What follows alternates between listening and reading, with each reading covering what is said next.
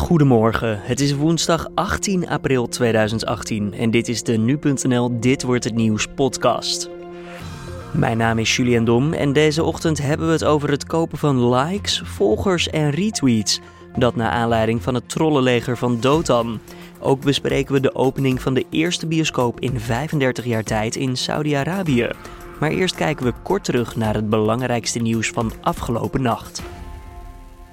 Voormalig First Lady Barbara Bush is dinsdag op 92-jarige leeftijd overleden. Barbara was de echtgenote van George Bush, die tussen 89 en 93 president van Amerika was. Ook haar zoon George W. Bush was president van 2001 tot en met 2009. Barbara Bush was al langer ziek. Onlangs werd besloten om haar niet langer nog medisch te behandelen, maar te richten op palliatieve zorg. Een veiligheidseenheid van de Verenigde Naties is in de Syrische stad Douma geweest. De eenheid onderzocht of de situatie ter plekke veilig genoeg was voor het onderzoeksteam van de Organisatie voor het Verbod op Chemische Wapens, de OPCW. Zij moeten woensdag onderzoek doen naar de vermeende gifgasaanval van bijna twee weken geleden. CIA-directeur Mike Pompeo heeft tijdens Pasen een geheim bezoek afgelegd aan Noord-Korea. Pompeo heeft daar een persoonlijk gesprek gehad met de Noord-Koreaanse leider Kim Jong-un. De gesprekken zouden uiteindelijk moeten leiden tot een ontmoeting tussen president Trump en Kim Jong-un. In Den Haag is gisteravond een inzittende van een auto om het leven gekomen nadat zijn wagen in het water terecht kwam. De hulpdiensten probeerden het slachtoffer te reanimeren, maar hij overleed ter plaatse aan zijn verwondingen. In de auto zaten mogelijk nog meer mensen. Duikers van de brandweer zijn op zoek naar hen. En dan kijken we naar de nieuwsagenda van deze woensdag 18 april. Het was zaterdag toen de Volkskrant het verhaal brak dat zanger Dotan een trollenleger heeft gebruikt om reacties op sociale media te beïnvloeden. Een netwerk van zo'n 140 accounts wordt blootgelegd in de krant. Twee dagen later geeft Dotan het gebruik ook toe in een video op Facebook. We praten daarover met Rutger Otto van de NuTech-redactie. Ja, Rutger, het doel van zo'n actie lijkt natuurlijk logisch. Hoe meer likes, hoe populairder, of niet? Ja, kijk, normaal gesproken is dat natuurlijk wel zo. Uh, het is toch een soort statussymbool uh, als je kunt aflezen van, oh, die persoon heeft zoveel likes, uh, 40.000 likes, 200.000 likes. Het zegt ook wel iets over wat voor iemand je bent en hoe groot je bent als artiest. Ja, anders dan bij Dotan, waarbij accounts daadwerkelijk werden gemaakt met de hand, kan je ook likes, favorites en retweets kopen van neppe profielen. En dat heette dan weer zogenaamde bots.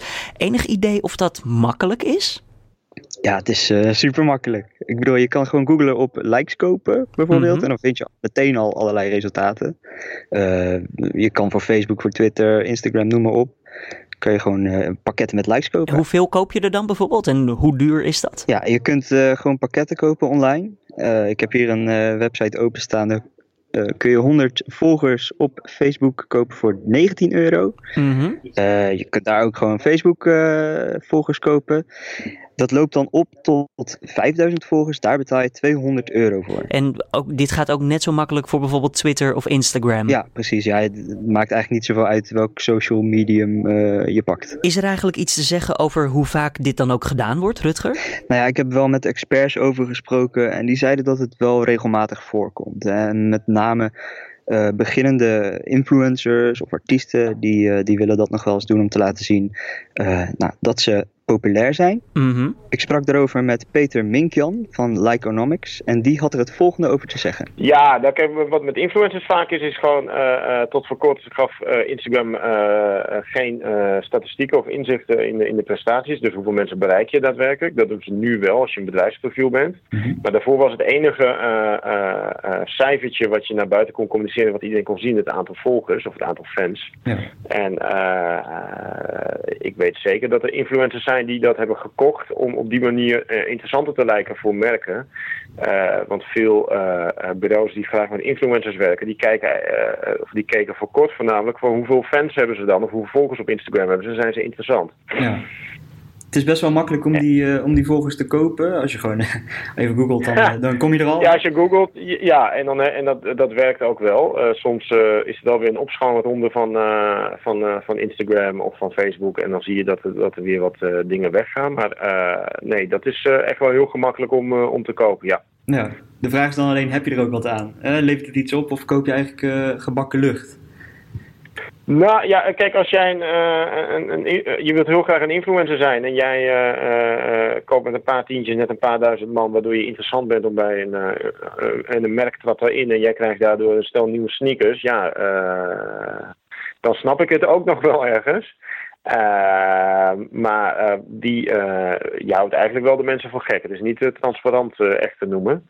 Uh, want ja, die bot-accounts die zullen nooit en nimmer daadwerkelijk uh, ooit die schoenen kopen die jij uh, zo mooi op Instagram zal, zal dragen. Peter Minkjan was dat van het platform Alikeonomics. Ja, Rutger, neppe interacties kunnen dus echt voordelen opleveren. Ja, tot op zekere hoogte dus. Hè? Want als influencer kun je het proberen. De vraag is wel wat je ermee opschiet. Uh, als het je dus te doen is om die gratis schoenen, dan prikt een adverteerder er waarschijnlijk al snel doorheen. Ja, uh, ja die nepvolgers van je, die kan je dan wel laten zien als, uh, als volgers van jou, maar die zullen niet snel overgaan tot een aankoop. Is het volgens die experts, volgens die kenners die je hebt gesproken, ook eigenlijk wel de moeite waard dan om zo'n aanschaf te doen? Om die likes, favorites of retweets te kopen? Ja, weet je, zolang je niet gesnapt wordt, uh, kun je best ver komen daarmee. Uh, een van de experts zei fake it till you make it. Dat vond ik wel een goeie. Mm -hmm. uh, maar goed, uiteindelijk is de kans best wel groot dat je toch wordt gesnapt. Kijk ook maar naar het geval Dotan. En ja, dan val je dus net zo hard als dat je omhoog Mag het sowieso al van Facebook, Twitter of Instagram om bijvoorbeeld likes te kopen? Nou, die netwerken die, uh, die staan dat eigenlijk niet toe. Hè. De regel, volgens de regels mag het niet. Mm -hmm. Maar het is niet zo, de politie staat niet direct op de stoep als je het wel doet. Stel, ik koop uh, voor mezelf uh, bijvoorbeeld 100 nep-accounts. Dan kan een sociaal netwerk mij daar niet op bestraffen. Omdat mm -hmm. jij of uh, een van de luisteraars ze voor mij gekocht kan hebben. Rutger Otto hoorde je van de Nu Tegen redactie. En binnenkort verschijnt hierover ook een uitgebreid achtergrondartikel op nu.nl. Hou de site in gaten. Een bijzonder moment voor veel mensen in Saudi-Arabië. Vandaag wordt namelijk voor het eerst in 35 jaar tijd weer een bioscoop geopend. Bioscopen waren lange tijd verboden in het islamitische land, maar de autoriteiten hebben daar dus nu een einde aan gemaakt. Aan de telefoon Petra Sijpenstein. Zij is hoogleraar Arabisch aan de Universiteit Leiden en directeur voor het Leidse Centrum voor Islam en Samenleving. Ja, mevrouw Sijpenstein, is Saudi-Arabië eigenlijk wel een filmland? Uh, nou, zeker wel. Ze hebben een uh, filmindustrie. Er worden geregeld films gemaakt en ook documentaires en uh, zelfs voor televisiefilms. Maar er zijn ook zelfs twee films um, wel eens ingediend als beste buitenlandse film bij de Oscars. Mm -hmm. In 2013 is er een film ingediend, Al-Wajda, van een vrouwelijke regisseur, Haifa Al-Mansour. En um, in 2017 is er ook nog een, uh, een film ingediend, uh, Baraka Yokabel Baraka. Um, het was een romantische komedie. we zijn allebei helaas niet in de prijzen gevallen. Maar dan is er dus sprake van een land zonder bioscopen met wel een filmindustrie, ja. Ja, en zelfs deze twee films, die dus wel naar buiten gepromoot werden en overal vertoond werden, kon je in Saudi-Arabië zelf niet zien, inderdaad. Dat is heel gek. Het zijn wel trouwens de twee films die nu genoemd worden, die als een van de eerste vertoond zullen gaan worden in die um, bioscopen die geopend gaan worden. Okay. Maar inderdaad, het was dus een hele tijd lang dat er wel een filmindustrie was, films gemaakt werden, maar dat je naar buiten Saudi-Arabië moest gaan om die films te bekijken. Waren er dan ook geen uh, videotheken bijvoorbeeld in het land, dat je even een dvd'tje ophaalde op de hoek? Nou ja, videotheken zijn er sowieso denk ik haast niet meer in de wereld. Maar je kon wel um, via allerlei andere um, dat, kanalen, via YouTube en uh, uh, andere, nou, zelfs Netflix hoorde ik, was gewoon beschikbaar. Dus je kon wel degelijk films zien wat je maar wilde. Films die op televisie werden vertoond waren wel gecensureerd. En aan wat voor censuur moeten we dan denken? Is dat gewoon af en toe een woord wat weggebiept wordt zoals uh, in Amerika gebeurt? Of? Ja, beide. Dat gebeurde er, maar er werd ook wel eens het, het, het, het filmbeeld bevroren als er scènes plaatsvonden, met name wat meer seksuele scènes of zo, of zelfs zoenen tussen mannen en vrouwen, wat niet gepast werd geacht. Kunnen we dat nu ook weer verwachten? Want wat, er wordt een bioscoop geopend. Ja, de films, zeker vooral westerse films, die zijn vaak enigszins, um, ja, er zit wat seksualiteit in. Uh, zal dat dan ook allemaal weer weggeknipt worden of op een andere manier weggelaten worden? Ja, dat zal zeker gebeuren, maar dat gebeurt op, in andere landen in het Midden-Oosten ook. Maar inderdaad, alles wat, nee, je kunt je wel voorstellen, alles wat een beetje aanstoot zou kunnen geven, inderdaad, in die conservatieve samenleving die het natuurlijk toch nog wel is. Um, en dat is denk ik wel belangrijk om te bedenken. De bioscoops die geopend gaan worden. Net zoals, en er was vorig jaar natuurlijk ook al veel te doen over die voetbalstadions. Waar voor het eerst waar we ook vrouwen naartoe mochten enzovoort. Mhm. Maar die voetbalstadions, net als die bioscopen, die komen te staan in de grote steden. Um, Jeddah, Dahran, misschien Riyadh. Of nou ja, deze bioscoop wordt in Riyadh geopend. Maar dus het, in de grote steden waar de mensen ook hier wel klaar voor zijn. Maar de, de rest van het land blijft ontzettend conservatief. En daar komen deze bioscopen ook niet te staan.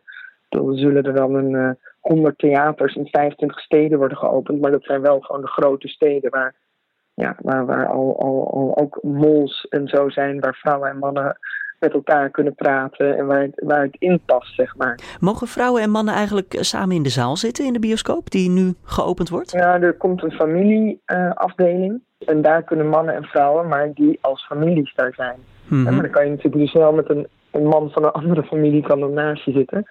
Maar het, is niet, uh, um, het zal niet de bedoeling zijn dat uh, ongetrouwde jonge mannen en vrouwen daar uh, met elkaar rustig gaan vermengen. En dus er komt een afdeling voor families, zoals dat heet. Maar dan kan je wel je nichtjes en neefjes van, van in hun tienerjaren ook meenemen. Ja. Um, en dan komt er een afdeling voor alleenstaande mannen. Of, of mannen die in hun eentje naar de bioscoop gaan, om maar zo te zeggen. En niet nog een afdeling voor alleenstaande vrouwen? Nee, die gaan bij de familieafdeling. Petra Sijpenstein hoorde je, hoogleraar Arabisch aan de Universiteit Leiden en directeur voor het Leidse Centrum voor Islam en Samenleving. In België wordt uitspraak gedaan in de zogenoemde kasteelmoord. Het proces gaat over de moord op de Vlaamse Stijn Selens in 2012. Het Belgische Openbaar Ministerie eiste eerder 30 jaar cel tegen de hoofdverdachte, de arts André G. Tegen drie andere verdachten is tussen de 24 en 28 jaar celstraf geëist. De Organisatie voor het Verbod op Chemische Wapens, de OPCW, organiseert een speciale sessie over de Novichok-aanval op voormalig dubbelspion Sergei Skripal. De organisatie heeft eerder bevestigd dat begin maart het gif is gebruikt bij de moordaanslag op Skripal. Het Verenigd Koninkrijk beschuldigt Rusland van betrokkenheid. Rusland zelf ontkent echter alles. In de midweekse speelronde van de Eredivisie staan vanavond vijf wedstrijden op het programma. Zowel Feyenoord als AZ komen in actie, vier dagen voordat de Rotterdammers en de Alkmaarders tegenover elkaar staan in de KNVB-bekerfinale in de Kuip. Feyenoord speelt om kwart voor negen uit tegen Willem II en AZ neemt het om half zeven op tegen Vitesse. PSV, dat zondag de landstitel veiligstelde tegen Ajax, zal om half zeven op bezoek gaan bij degradatiekandidaat Roda JC.